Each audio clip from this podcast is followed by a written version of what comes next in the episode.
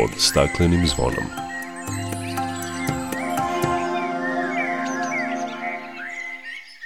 Dobar dan. Dobrodošli na Talase Radio Novog Sada u emisiju pod staklenim zvonom. Do 10 časova društvo će vam praviti Damjan Šaš za mix pultom i Ivan Nožinić pred mikrofonom. I u današnjoj emisiji bavit ćemo se izmenama zakona o vodama, subvencionisanju ugradnje solarnih panela, pomuru ribe u Kolubari. Uobičajena tema svake nedelje je uklanjanje divljih deponija. Lepa vest stigla nam je iz Zološkog vrta na Paliću. Govorit ćemo i o ozelenjavanju Zrenjanina, a najavit ćemo i festival ekološkog filma Green Fest – uz pažljivo probranu muziku, dovoljno razloga da ostanete na talasima Radio Novog Sada. Dok priroda kraj nas plače Za vladarskim svojim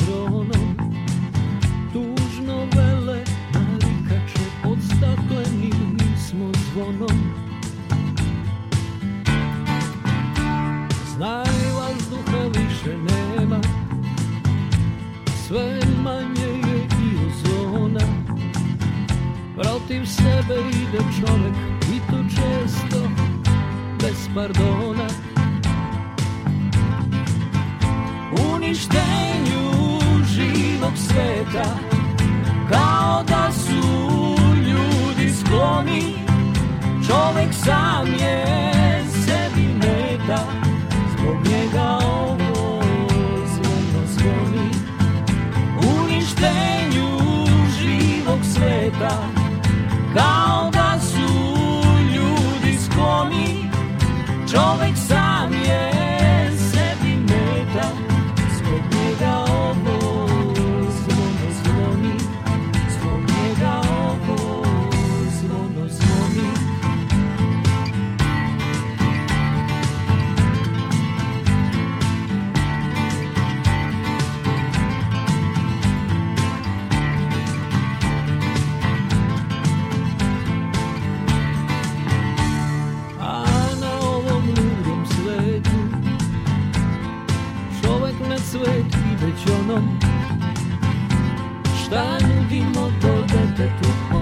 Stakleni kad smo zvonom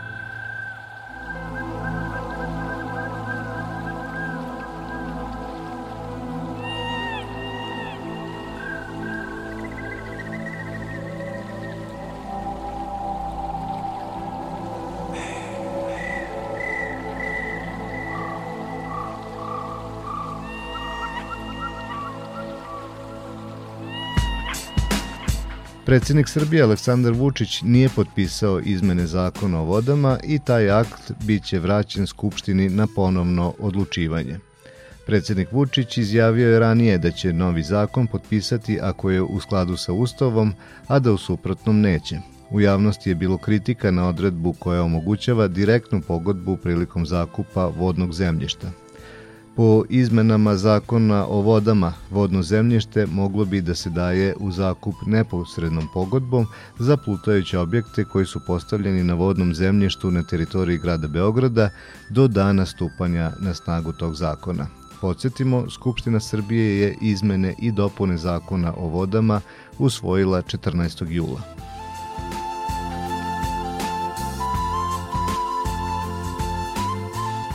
Javni poziv za subvencionisanje ugradnje solarnih panela biće raspisan krajem avgusta ili najkasnije u prvim danima septembra, najavila je ministarka rudarstva i energetike Srbije Zorana Mihajlović. Kako je istakla, planirano je da javni poziv za subvencije za ugradnju solarnih panela protekne isto kao prethodni o povećanju energetske efikasnosti, odnosno zamene stolarije, saopštilo je Ministarstvo rudarstva i energetike. Cilj projekta je da sva domaćinstva koje troše električnu energiju mogu i da je proizvode. Nabavkom solarnih panela računi za struju mogu da se smanje između 10 i 15 procenata. Kada su građani odsutni iz kuće, energija odlazi u sistem i koristi se kasnije. To su bitni projekti koji će trajati i nekoliko godina. Drugi javni poziv za zamenu stolarije ponovit ćemo krajem decembra na svim lokalnim samoupravama, kazala je Mihajlovićeva. Ona je istakla da će ministarstvo i u narednoj godini obezbediti sredstva za subvencije. Planiramo da naredne godine imamo 100 miliona evra za zamenu stolarije i da svi građani koji godinama unazad nisu mogli da promene prozore, urade izolaciju ili zamene krov, sada to mogu da urade, rekla je ona.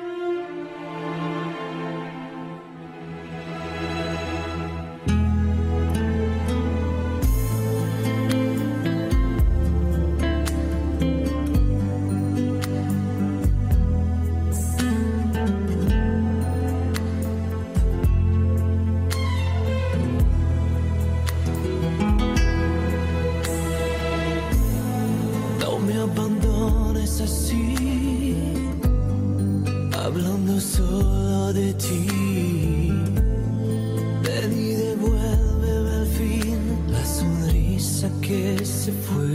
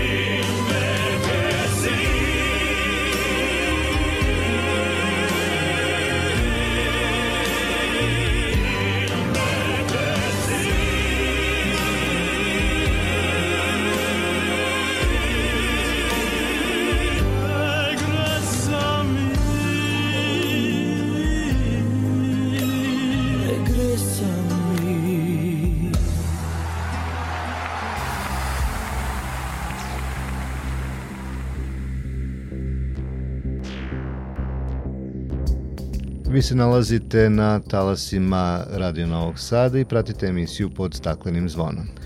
U Kolubari, nizvodno od mosta u Divcima kod Valjeva, prema Slovcu, odnosno Lajkovcu, početkom sedmice dogodio se pomor ribe velikih razmera. Na potezu od samo stotinak metara izvađeno je više od pola tone uginule bele ribe. Strahuje se međutim da je u ekocidu na ovoj reci nastradala još veća količina ribe. Procene su da je zatravano skoro 5 km toka Kolubare. Po nalogu osnovnog javnog tužilaštva u Mionici, policija je obavila uviđaj, za analizu su uzeti uzorci uginule ribe i vode, nizvodno od mesta gde se u Kolubaru uliva kanal iz farme Junadi u mioničkom selu Radobiću, koja je vlasništvo jedne firme iz Uba. Prema prvim procenama pomor ribe dogodio se kada su u reku najverovatnije ispušteni amonijak i osoka sa farme. U saopštenju Ministarstva za zaštitu životne sredine navode da je po prijemu prijave o uginuću ribe u Kolubari inspekcija za zaštitu životne sredine odmah reagovala i izašla na teren zajedno sa vodnom inspekcijom Ministarstva poljoprivrede, šumarstva i vodoprivrede i upravljačem ribarskog područja. Predezute su sve mere kako bi se utvrdio uzrok pomora ribe i angažovana laboratorija koja će izvršiti uzorkovanje vode.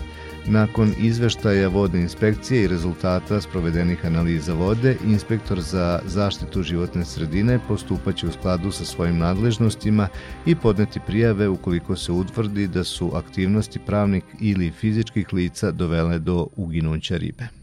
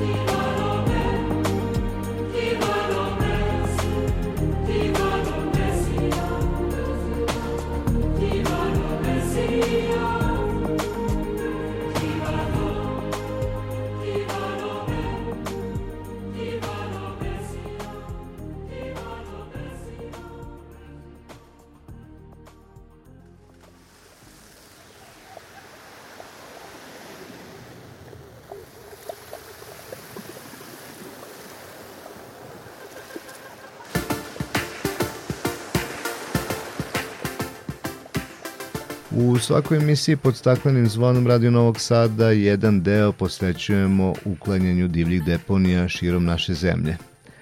Sem Ministarstva za zaštitu životne sredine i pokrajinskog sekretarijata iz te oblasti, kao i nevladinog sektora, u borbu se uključilo i Ministarstvo poljoprivrede.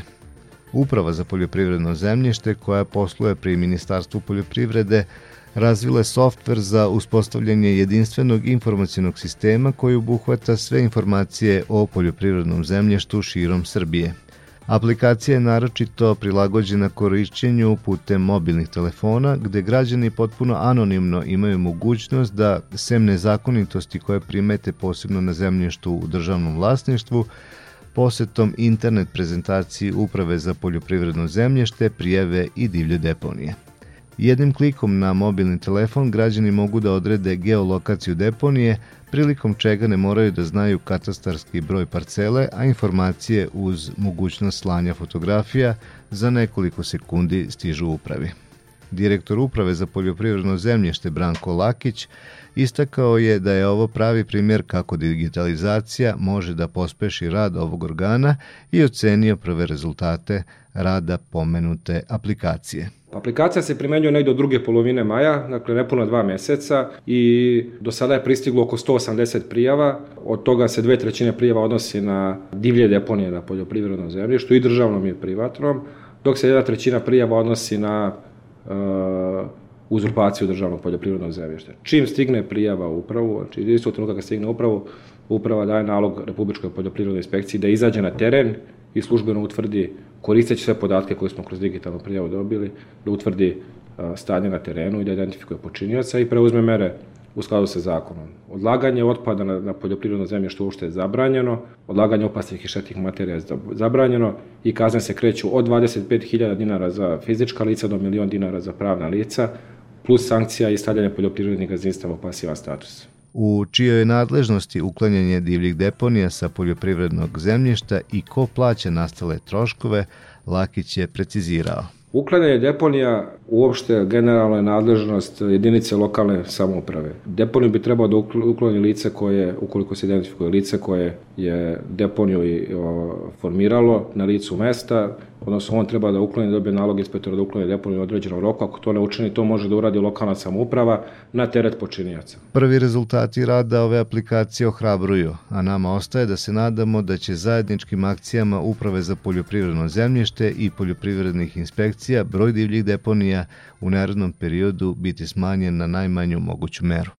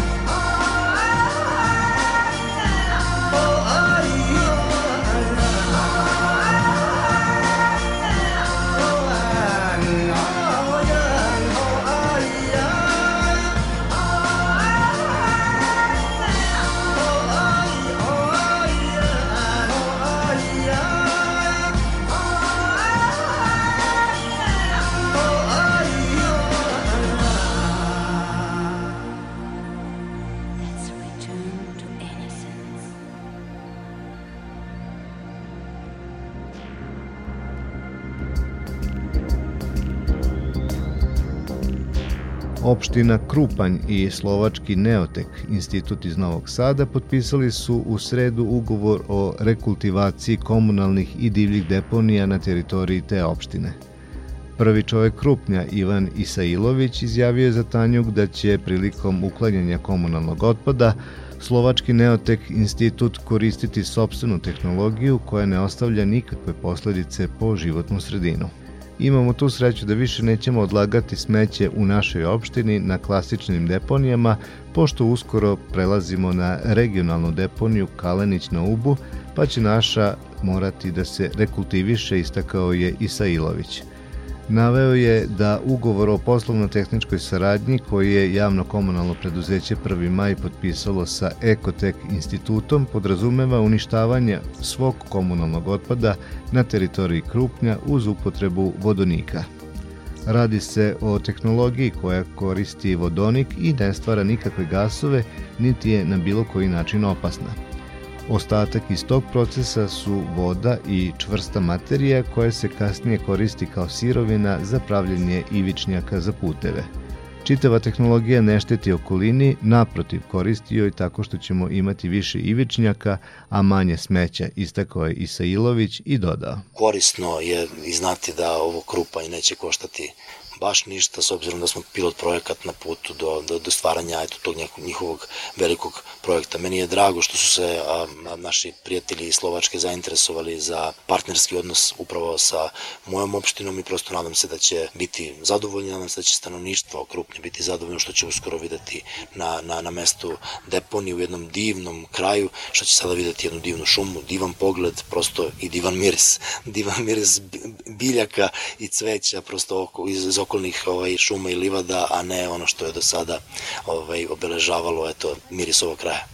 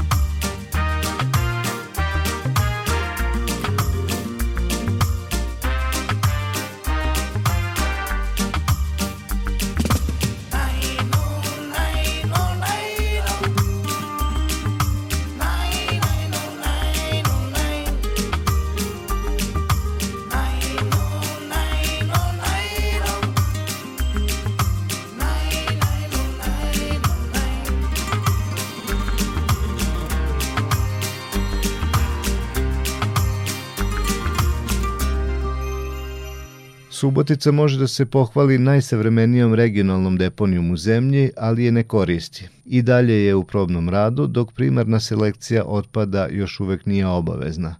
Kada će to biti i kako će se upravljati otpadom, razgovaralo se u sklopu Evropskog filmskog festivala na Paliću koji je upravo završen – Slušamo prilog Borisa Šumana. U sklopu debatnog programa Festivala evropskog filma Palić razgovaralo se o regionalnom upravljanju otpadom, gde je rečeno da se svega 10% otpada reciklira, a da ostatak koji se meri desetinama hiljada tona godišnje završi na smetlištu. Primarne selekcije, odnosno razvrstavanja otpada na mestu nastanka, još uvek nema. Prvi korak ka tome jesu nove kante za odvajanje otpada o čemu govori Nikola Jovičić iz javnog komunalnog preduzeća Čistoća i zelenilo. Mi trenutno uh, u okviru našeg preduzeća imamo u magazinu 14.500 takvih kanti. Međutim, nismo spremni da ih još uvijek distribuiramo, da delimo zbog uh, razloga što nemamo vozila odgovarajuća i nemamo ljude. Novom gradskom odlukom o upravljanju otpadom taksativno je navedeno ko i šta treba da uradi, odnosno da se desi u prelaznom periodu kako bi taj sistem u doglednoj budućnosti zaista i zaživeo. O njemu govori šef službe za zaštitu životne sredine u gradskoj upravi Subotice Žika Reh. Pre svega to je onaj koncept da e, nema više deponovanja na nesanitarnim smetlištima, da sav otpad pre svega završava u e, regionalnom centru za upravljanje otpadom, gde se radi sekundarna selekcija, a pre toga u domaćinstvima se radi primarno razvrstavanje po sistemu plavih i zelenih kanti. Debate na temu očuvanja životne sredine sastavni su deo festivala evropskog filma Palić već duži niz godina. Dominantna tema prethodnih godina bio je oporavak Palićkog jezera.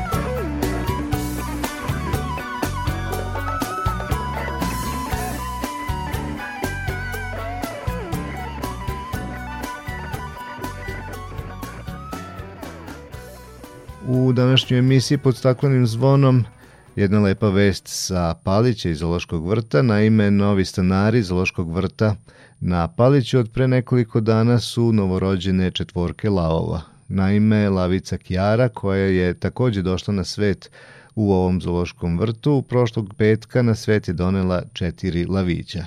Šta o ovom prelepom događaju kaže Jovana Toljagić iz Zološkog vrta na Paliću. Mladunci su sjajno. Eto, tokom noći, ne znamo tačno koliko sati, Kijara je na svet donela četiri mladunčeta lava. Ona je ostala napolju tokom noći, tako da je to bio neki predznak tog što će jutro da donese, tako da eto, nosi ih po njihovom spoljnom ispustu, traži različite skloništa, neki malo zakoni od posetilaca, ali su oni potpunosti dobro. Sad ostaje da ih posmatramo, ona će da ih, da ih hrani, tako davaće tako svoje mleko, oni će rasti pored nje za jedno, dva, tri meseca, nadamo se da ćemo moći ući unutra da vidimo kog su pola, tako da ostaje nam da se radujemo s njima.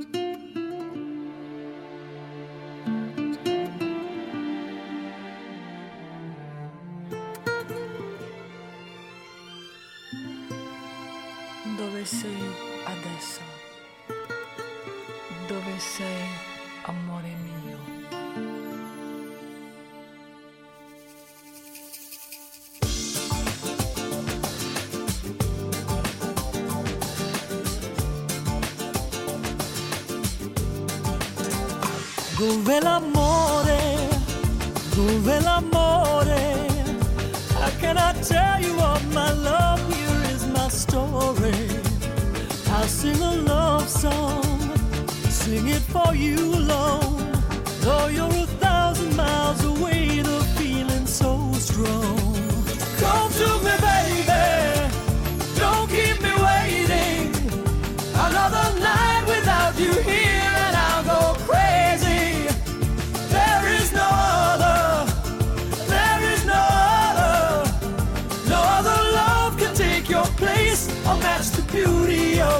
face I'll keep on singing till the day I carry you away with my love song. With my love song. Dove l'amore, dove l'amore Where are you now, my love? I need you here to hold me. Whisper so sweetly, feel my heart I need to hold you in my arms, I want you near me. Come to me, baby, don't keep me waiting. Another night without you here and I'll go crazy. There is no other, there is no other. No other love can take your place or match the beauty of your face. I'll keep on singing till the day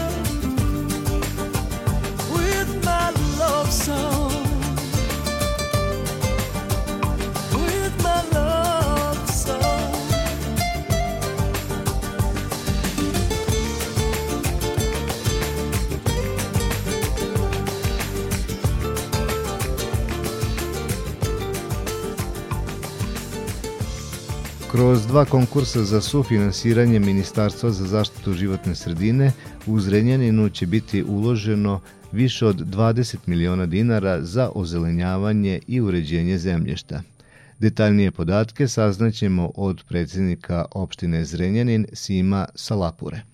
Konkretni ove, ovi projekti se odnose na dve lokacije, u pitanju je ozelenjavanje i ulepšavanje obala reke Begej između dva mosta, između takozvanog žutog i pešačkog mosta i ozelenjavanje dela bulevara Veljka Vlahovića u najvećem naselju u našem gradu. U pitanju je uređenje zemljišta, zamena sadnica koje su oštećene, imaćemo blizu 200 novih sadnica, imaćemo preko 2000 žbunastih stabljiki, imaćemo 2000 kvadrata novih travnatih površina, površina i to će umnogome da ulepša i našu životnu sredinu i naš kraj, naravno, ali da utiče na smanjenje štetnih uticaja gasova koji imamo od prevelike upotrebe automobila, konkretno kada je u pitanju bulevar Veljka Vlahovića. Projekti će biti realizovani do kraja godine. Od jeseni kreće sadnja drveća. Na poboljšanju pošumljenosti rade i mnogi privrednici koji doniraju sadnice, ali i brojne udruženja građana u ovom gradu.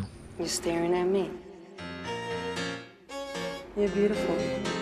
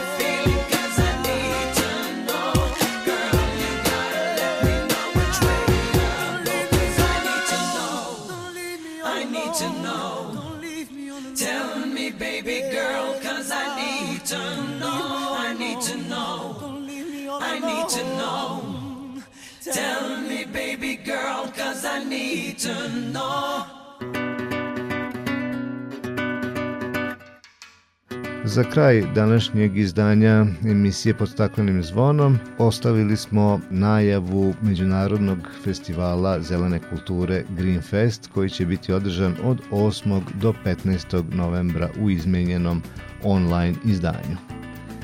Na konkurs koji je međunarodnog karaktera mogu da se prijave filmovi koji se bave temama prirode i biodiverziteta, klimatskih promena, vazduha i voda, otpada od hrane, održive mode, cirkularne ekonomije, inovacija i održivog razvoja. U razmatranje će biti uzeti filmovi proizvedeni nakon 1. januara 2018. godine, a ove godine radovi se mogu prijaviti u četiri kategorije. Kratki, zatim film srednjeg metra, dugometražni i animirani. Pored nagrada u navedenim kategorijama biće dodeljene i dve specijalne, za najbolji obrazovni i najinspirativniji film festivala. Sve informacije o konkursu mogu se pronaći na zvaničnoj stranici festivala www.greenfest.rs. Rok za prijavu na konkurs je 30. jul, dok će spisak filmova koji su ušli u selekciju za prikazivanje biti objavljen do 15. avgusta ove godine. Bilo je to sve što smo vam pripremili za danas. Čujemo se za nedelju dana u isto vreme na istoj frekvenciji. Pozdravljaju vas Damjan Šaš i Ivan Nožinić.